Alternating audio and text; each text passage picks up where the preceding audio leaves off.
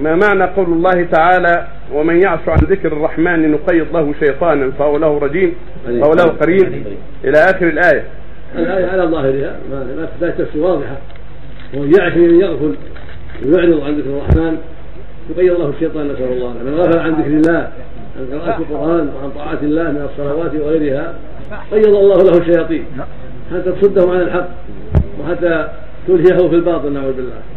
ومن قام بأمر الله وأدى حق الله واستعمل نفسه في ذكر الله وطاعة الله عافاه الله من الشيطان. وحفظه من الشياطين. نسأل الله السلامة. ما